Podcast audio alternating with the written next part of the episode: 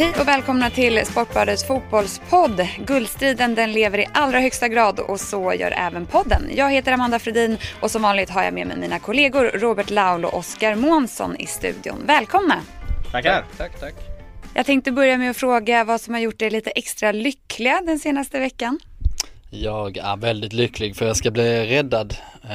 Om eh, inte personligen så kommer min yrkeskarriär bli räddad av eh, Robert Laul som står bredvid mig här. Eh, det var nämligen så att på redaktionen nu häromdagen så låg ett tidningen Slits låg framme med Robert Laul på framsidan. Eh, med en t-shirt med trycket domarjävel. Av någon anledning hade han den t-shirten, det vet jag inte varför. Men rubriken var att, i varje fall, kan Robert Laul rädda svensk sportjournalistik? Eh, och anslaget då att, ja, frälsningen är här eller någonting. Jag har inte läst den än så länge men jag ska väl sätta mig ner och göra det då. Men du är, du är glad att vi alla ska bli räddade? Ja men det är ju jävligt eh, så här, tuffa tider för eh, sportjournalismen eh, överhuvudtaget. Svenska Dagbladet har lagt ner hela sin eh, redaktion men eh, nu, vi känner oss trygga, eller jag känner mig trygg nu i vart fall. Laul, fight the power? Eh, nej men jag, jag, jag, ingenting har riktigt gjort mig lycklig den här veckan men eh, jag tror att jag kommer bli ganska lycklig för jag har noterat att min kollega Oskar Månsson han har inte tagit på sig några skor när vi står och spelar in det här och eh, någon gång vid ett väl valt tillfälle under den här inspelningen så kommer jag att stämpla honom stenhårt på vänster stortå. Då kommer han gallskrika och smärta och det kommer göra mig väldigt lycklig. Vilken cliffhanger, nu måste man ju liksom hänga kvar och lyssna. Absolut. Men jag är lite nyfiken fortfarande på den här räddningen. Vad, vad består den i? Hur, hur ska du rädda oss? Ja, du kan inte mörka det nu. Nu får du ta tag i det. Eh, ja, men jag nämnde det lite kort på min blogg här med anledning av det här eh, surrealistiska tidningsomslaget. Då. Eh, och eh, steg ett i den större planen sjösätts eh, om ungefär en månad så att ni får helt enkelt tålmodigt vänta. Ännu en cliffhanger. Det är sjukt spännande det här. Det är frostig stämning i studion, folk ska stämplas men det är ändå sjukt spännande. Vi kastar oss in direkt i guldstriden. Elfsborgs förlust mot Norrköping i söndags innebär att man tappar greppen om guldet då. Men om det vill sig väl för Boråsborna så kan man då vinna tillbaka det. Men med hjälp av AIK, eller vad säger du matematikprofessor Laul? Ja, det, det har ju blivit så många olika eh, möjliga utgångar här nu så att när man sitter och försöker räkna på det så, så kan man sitta i flera dagar liksom och hålla på. Ja, men det kan gå si, det kan gå så och så vidare. Men, men eh, jag tror att den här förlusten för Elfsborg mot Norrköping jag tror inte att de reser sig eh, efter det och, och, och det bygger jag inte enkom på den förlusten för att eh, Norrköping är ett, ett väldigt bra fotbollslag. Herregud, de, de kan bli femma i den här serien. Eh, de har varit bra hela säsongen. Det är ingen överraskning att, att de spelar bra fotboll. Det är ett roligt lag att kolla på och de har väldigt mycket kvalitet. Och jag, vi kan kanske återkomma till Norrköping sen för jag har rätt mycket att säga om dem. Men i alla fall, Elfsborgs förlust för, för, innan den så har de ju alltså spelat ja, sju matcher där de inte har kommit upp i någon vidare nivå. De har ändå hankat sig kvar högst upp i tabellen eh, nästan alla omgångar. Jag tror Häcken var om någon gång och så kom de tillbaka igen. Men, men det har inte fungerat för Elfsborg. De, de får inga enkla mål.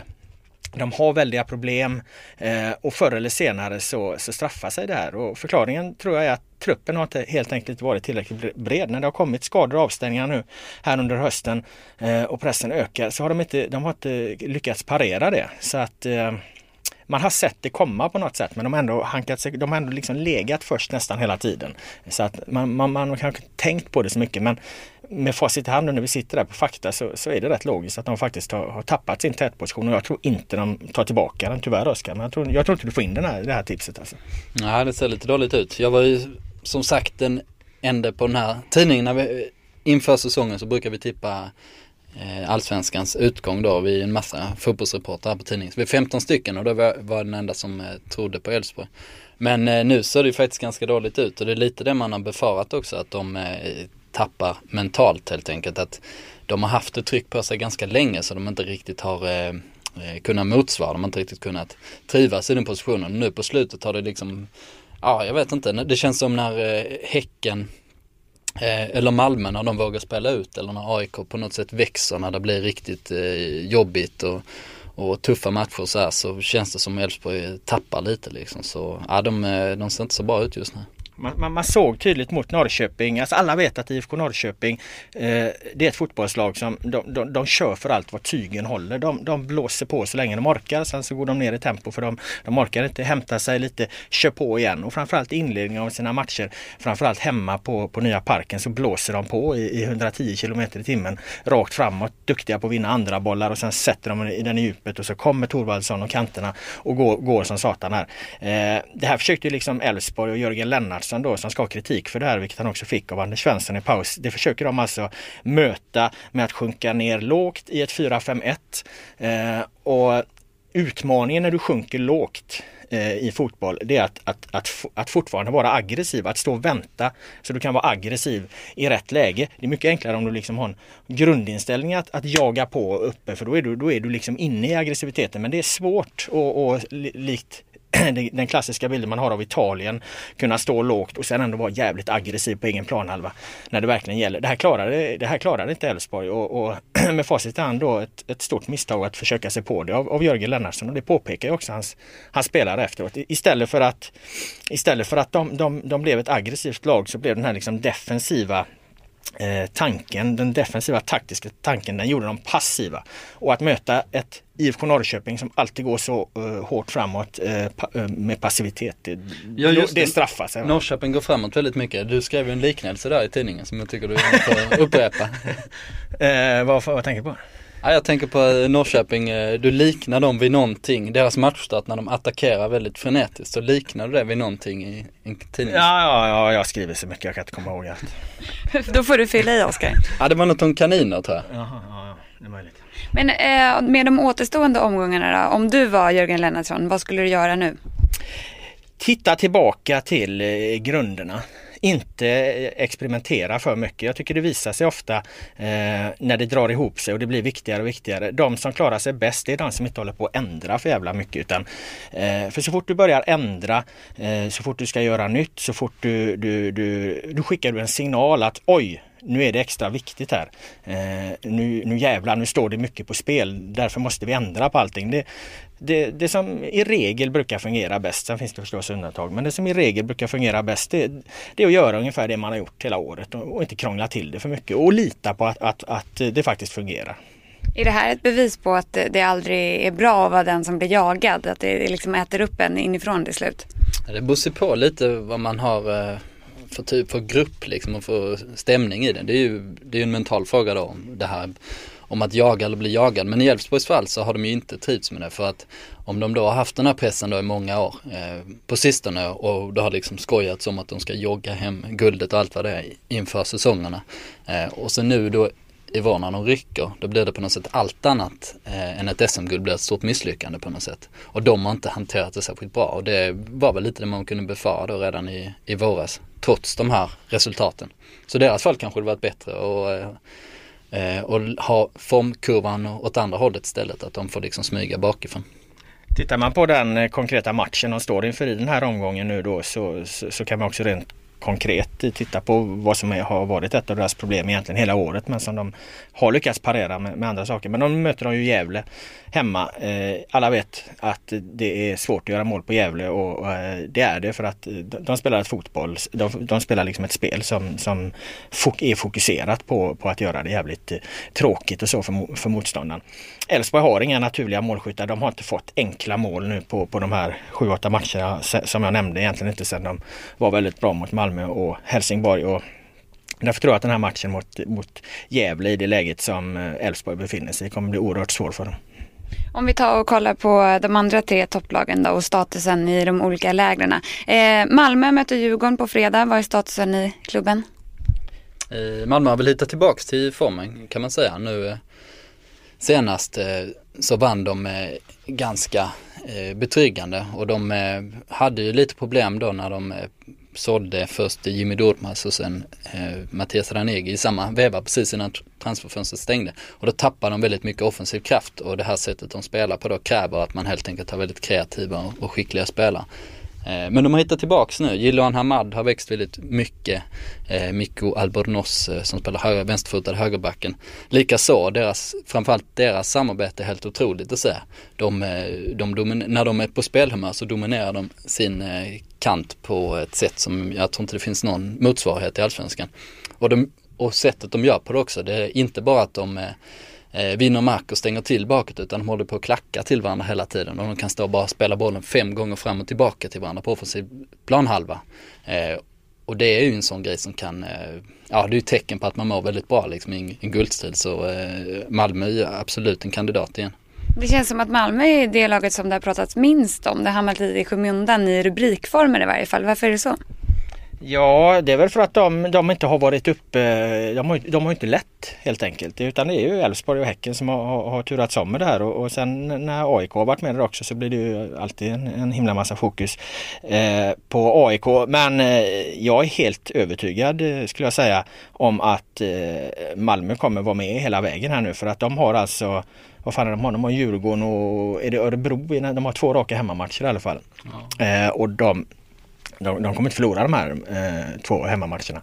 Helt säker på att de vinner mot Djurgården, helt säker på att de vinner hemmamatchen i den näst sista omgången. Och eh, då, då får vi plussa på 6 poäng i, i, i tabellen för Malmö FF.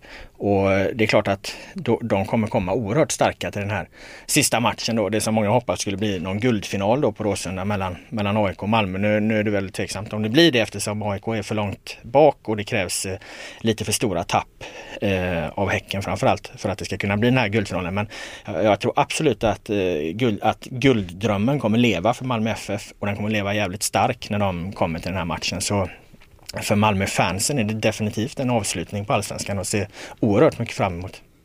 Eh, vad gäller Häcken då, de spelar ju mot Kalmar på lördag. Är det lika god stämning ner på hissingen som det har varit de senaste veckorna?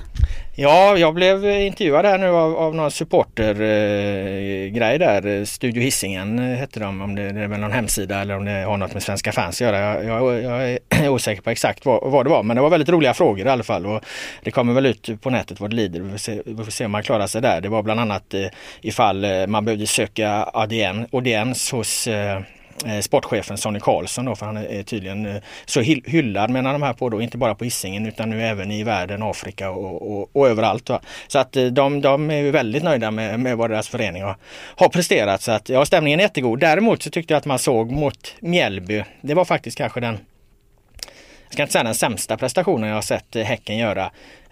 men definitivt en av de absolut sämsta sen liksom den här guldstriden drog igång. Eh, de fick inte sitt spel att fungera, det som inget lag egentligen har, har lyckats kunna stoppa. Att de, att de har kunnat liksom spela sig framåt på, på ganska små ytor centralt i planen och, och få betalt i chanser och så vidare. De kom egentligen ingen vart mot Mjällby utan vinner den här matchen för att Mjällby bjuder på två mål i, i, i eget straffområde. Var det Mjällby som var bra eller var ja, det trötta ben? Ja, Mjällby gjorde det väldigt bra och, och kanske är, är, det ett tecken på att eh, att det här laget som man uppenbarligen, eller man har tyckt, alltså de kan, kan de inte darra eller kan de inte påverkas? Att de kanske har börjat påverkas lite. Eller så var det som de själva skyllde på att det var en extremt svårspelad plan och det var dimma och, och, och de hade rest långt och det var, var en, en, allmänt jävlig, eller en match som var allmänt jävlig i största allmänhet. Så det är möjligt men eh, vad vi säkert kan säga är att, att det fungerar, fungerar inte riktigt. Och nu, nu får de ju en chans att studsa tillbaka här mot Kalmar på hemmaplan. Kalmar som eh, har gjort en rätt bedrövlig säsong och ett lag som släpper in väldigt mycket mål som har väldigt svårt att eh, tajta till. Det visar ju inte, inte minst Malmö senast då, så, så länge de forsar på framåt. Så att jag tror ändå att Häcken kommer studsa tillbaka ganska bekvämt hemma mot Kalmar på lördag. Men det stora elddopet för Häcken det blir ju matchen mot AIK. Det kommer ju bli en match som det kommer snacka så himla mycket om. Det är ju matchen i näst sista omgången då. AIK kommer dit. AIK oavsett AIK har, har chans på guldet eller inte så har de, kommer de ha chans på Europaplatser. Så att de kommer ha allt att spela för ändå. Eh, de kommer med, med, med sitt fruktade bortafölje då till, till, till lilla Rambergsvallen eh, och eh, det kommer skrivas och snackas och, och, och pratas om den här matchen i, i den omgången. Så att då sätts eh, Häcken på prov om de kan vandra lika bekymmersfritt genom de här guldstriderna som de har gjort hittills. Vad gäller Kalmar på lördag så var det någonting om Nanne som du hade snappat upp?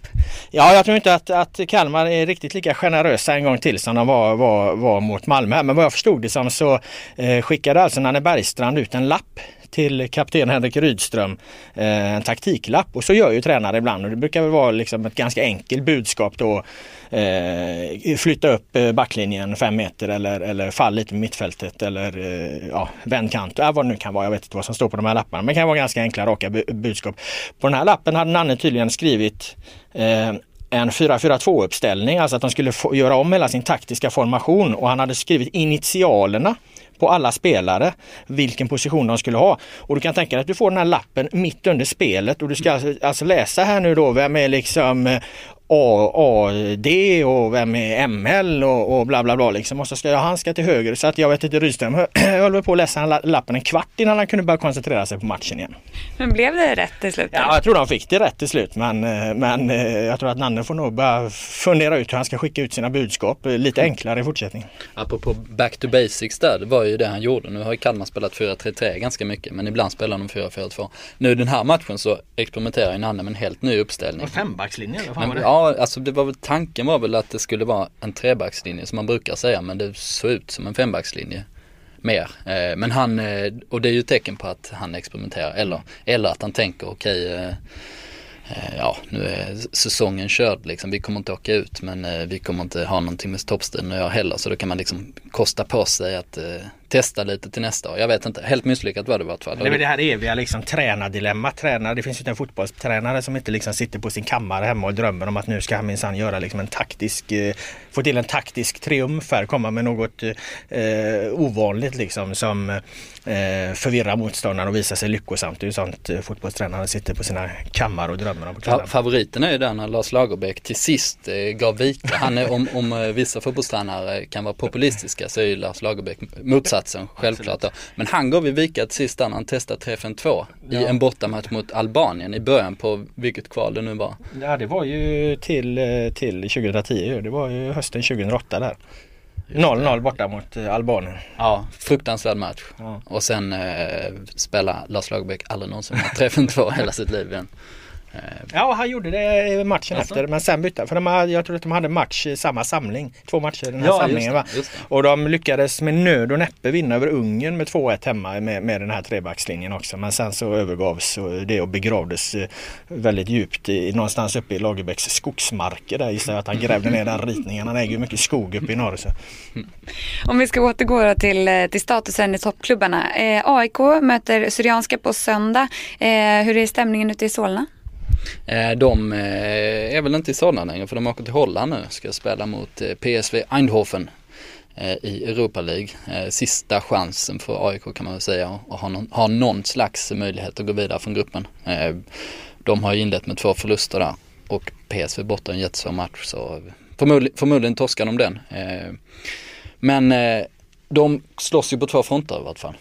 Och de har, som tur var har de ganska bred trupp och inga skador överhuvudtaget förutom att Martin Mutumba haft ett, ett virus som har besvärat honom lite. Men eh, eh, ja, annars ser det bra ut. För det krävs ju om man ska spela både i toppstrid i Allsvenskan och spela Europa League även om man kanske inte har så stor chans där. Jag läste någon tyckare nu på nätet om, om att eh, man eh, någonstans tyckte att AIK skulle liksom skita i Europaspelet och, och gå fullt ut på allsvenskan. Jag, jag vet inte om jag förstod det resonemanget eh, riktigt. Det var inte du som skrev den alltså utan det var, var någon annan. men, men, du, men du vill ändå att jag ska försvara? Nej, jag vill väl mest ha, ha medhåll där för att den fick mig ändå fundera. Men jag menar man, alltså, man kan ju eh, dra nytta av de här matcherna. Jag menar vad fan att få spela i Europa. Jag menar du, du, du, du kommer ut och lirar på en högre nivå. Eh, jag, jag, köper inte riktigt det här snacket i så fall om att man ska skicka in något B-lag mot PSV Eindhoven och sen ställa upp med det bästa på, på, eh, i Allsvenskan. Sen Alm gjorde väl en, en enorm rotation eh, här inför eh, när de mötte Dnepro var det va? Mm. Och sen torskade de matchen efter mot, mot Gävle och han fick ändra tillbaka igen. Är spelarna extremt slitna ska man självklart kanske vila någon och så men, men inte det här med att hålla på och fladdra allt för mycket. Det tror jag inte på.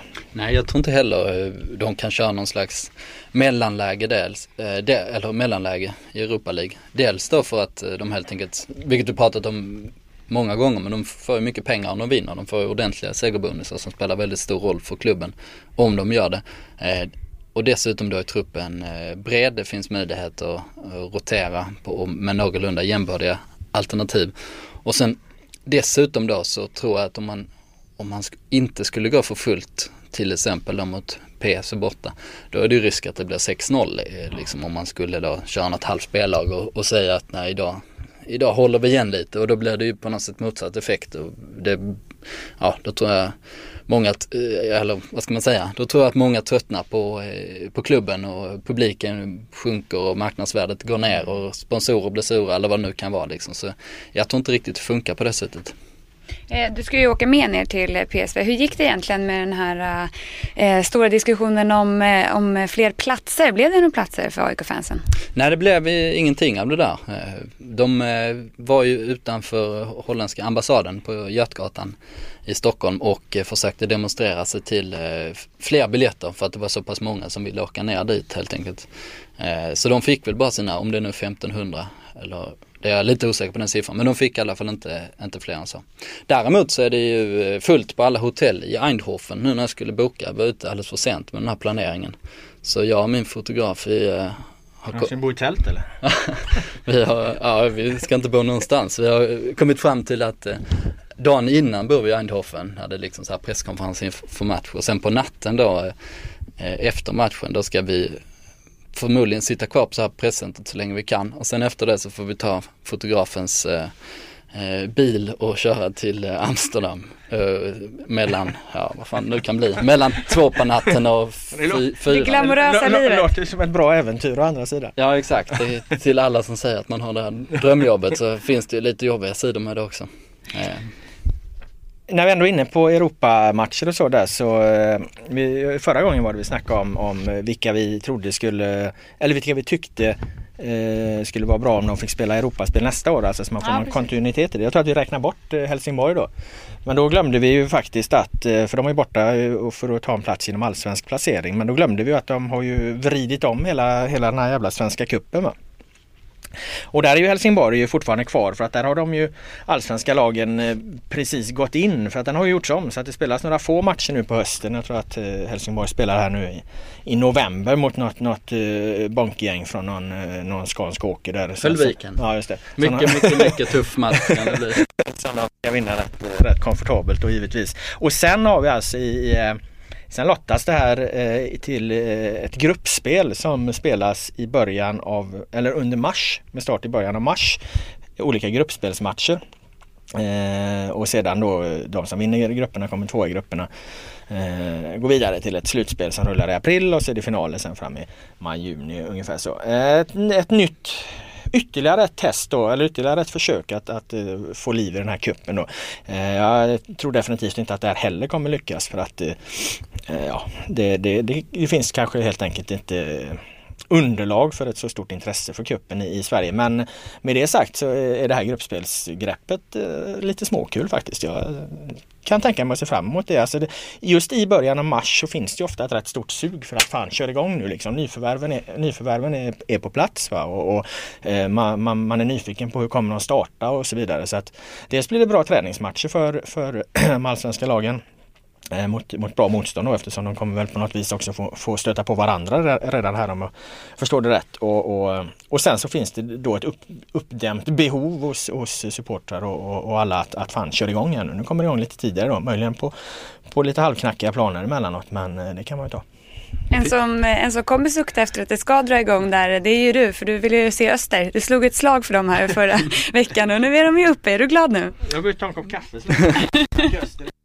Jag vet inte hur, det här togs emot egentligen. Jag uppmärksammade bara att Öster var på väg upp i Allsvenskan och sa att det var kul med ett klassiskt gäng. Jag är ganska känslolös annars för, för Öster. Men de gör en ganska bra satsning, har en ny arena som liknar, jag vet inte, en blandning mellan ett eh, typ ett timmerhus och ett rymdskepp. Eh, mycket, mycket märklig eh, byggnad. Eh, ganska fin invändigt däremot, eh, men eh, sådär estetiskt på utsidan. Men de har ju gjort en bra satsning i alla fall. Hej Öster. du vill inte säga något om Österland? Eh, nej, jag tycker Oskar, Oskar, Oskar, Oskar har, ut, har uttömt detta på ett föredömligt vis. Eh, men något som ni ville prata om det var ju eh, Tobias Gran. Han lämnar ju Örebro och eh, om ni nu får bestämma, leker Gud i några minuter, var skulle ni placera honom? Han sa ju själv att hans ambitioner inte harmonierade med eh, superettan. I ett pressmeddelande ska han tydligen sagt så här.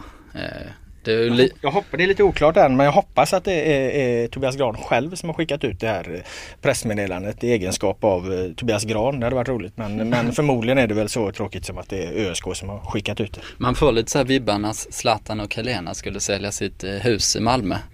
Eh, och, det var, och de skickade ut ett pressmeddelande om det var via någon mäklarfirma eller sin PR-apparat på något sätt på den tydligaste ja. kanslisvenska man Ja det var det, om de var så vi har, vi har kommit till ett beslut att avyttra vår egen, privata egendom i, i Malmö, eller hur det nu var. Det var i alla fall en fantastisk formulering som man gärna ville, man skulle vilja se Zlatan eh, sätta på sig i glasögonen, gå upp på podiet och, och säga de här orden.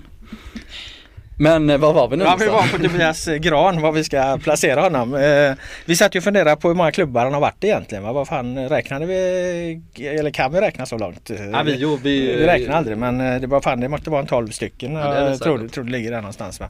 han, har ja, inte, han har inte harmonierat i alla heller kan man konstatera. Men eh, grejen med Gran är ju att eh, jag tycker att han är en bra fotbollsspelare. Han var en Tyckte han var väldigt bra i Mjällby. Där passade han bra. Eh, svårt att värdera honom riktigt i Örebro som har haft en sån ohyggligt usel säsong eh, överlag. Va? Och jag kan hålla med med Gran lite att eh, han är för bra för superettan. Det, det, är en fotbollsspelare som har, har, kvalitet. Men det handlar ju som, som sagt någonstans om att och vad fan han ska lira. Va? Han ser ut ungefär som Stefan Andreasson eller som man tänker sig en Elfsborgsspelare. Så någonstans så skulle, skulle man kanske vilja, vilja se honom. Sätta ett pannband på honom? Ja, lite så. Han skulle klä pannband bra tror jag. Så att, eh, om nu ska dra den, den gamla liknelsen igen. Nej men han, han, något i hans utseende gör honom till en, en Elfsborgsspelare. Jag har liksom inte grottat ner mig djupare där utan det är mer en spontan, spontan magkänsla. Men jag vet fan om han passar och, och, och passar riktigt i Elfsborg. Jag är lite inne på Djurgården. Eh, Djurgården spelar ju här, här i veckan och eh, vi hade inte ens en reporter på den matchen, eh, vilket är väldigt ovanligt. Det måste vara någon, form av historiskt beslut att, att, att vi inte skickar en reporter på en, på en Djurgårdsmatch. Vi blir anklagade för att skriva för mycket om Stockholmsfotbollen. Det, det här visar ju då att, att det, det, gör vi inte alltid utan vi skickar ju Månsson till eh, Södertälje istället för att hålla, hålla, koll på, hålla koll på bottenstriden. Eh, Djurgården har ju inte så mycket att spela för. Det är klart att ja, segern mot Gais då gjorde, gjorde att de nu definitivt inte kommer åka ur. Va? Men det var väl ingen som hade trott att de skulle göra i alla fall. Så, eh, de behöver mer profiler för att landa ett jävligt långt resonemang. Så med Gran i truppen ja, så skulle vi skicka en gran, Ja, med Gran i, i, laget så, så, så blir, kanske det blir lite mer drag kring Djurgården igen. Eh, som har ett, ett intressant bygge då, då på, eh, intressant bygge på gång. Och, men jag tycker att laget är lite profillöst. Eh, eh, det händer inte så mycket kring spelarna där. Jag, jag vet när vi ska sitta och göra bilagor och annat liksom. Så vad fan ska vi ta Sjölund i år igen eller vem ska vi ta va? Det, det, är klart att man ska inte bygga ett fotbollslag bara på att ha bra profiler. Men all, allsvenskan och lagen och framförallt Djurgården behöver ju lite uppmärksamhet också. Och jag tycker att Gran är en bra fotbollsspelare. Så vad fan slå till där Magnus Persson. Eller vad säger du? Eh, nej det tycker han inte. Inte han ska göra. De, de hade faktiskt... aj, aj, aj, aj. Där kom den. Där kom den. Nu är lyckan fullbordad. ja, se om jag smäller till dig. um, Stackars Månsson. ja, vad var vi nu? Uh, men jag har ju lite uh, utrymme för revansch här. Men när Laul står med sitt populistiska dravel om att vi behöver profiler i Djurgården så kan jag ju upplysa Laul om att vi hade, eller att Djurgården faktiskt hade möjligheten att värva honom förra sommaren. Eh, de fick helt enkelt erbjudande från Grans agent och då var de inte ett dugg intresserade. Problemet med Gran och hitta något ställe där han harmonierar är ju att eh, i allsvenskan eh, så finns det eh, lätt förenklat, det finns två typer av lag. Det finns de som eh, försöker spela fotboll eh, och då gärna vill hålla till i toppen, typ Malmö och Häcken och sen finns det resten då som eh, kör ett mer, eh, ja, ett mer eh, liksom organisatoriskt lag i, i grunden på något sätt. Och det är sällan lagen som Gran skulle kunna gå in i. Han skulle inte kunna gå in i något av de allra bästa. Men han skulle däremot rent fotbollsmässigt platsa i de här lite sämre lagen. Men det är få lag som spelar på det sättet där liksom han kan ta den rollen. Så han är för dålig för ett bra lag och, och, och passar inte i ett dåligt lag? Ja lite så. Det är som eh, lite samma resonemang som vi brukar ha på Kwame Karikari när vi tittar på AIK-matcher.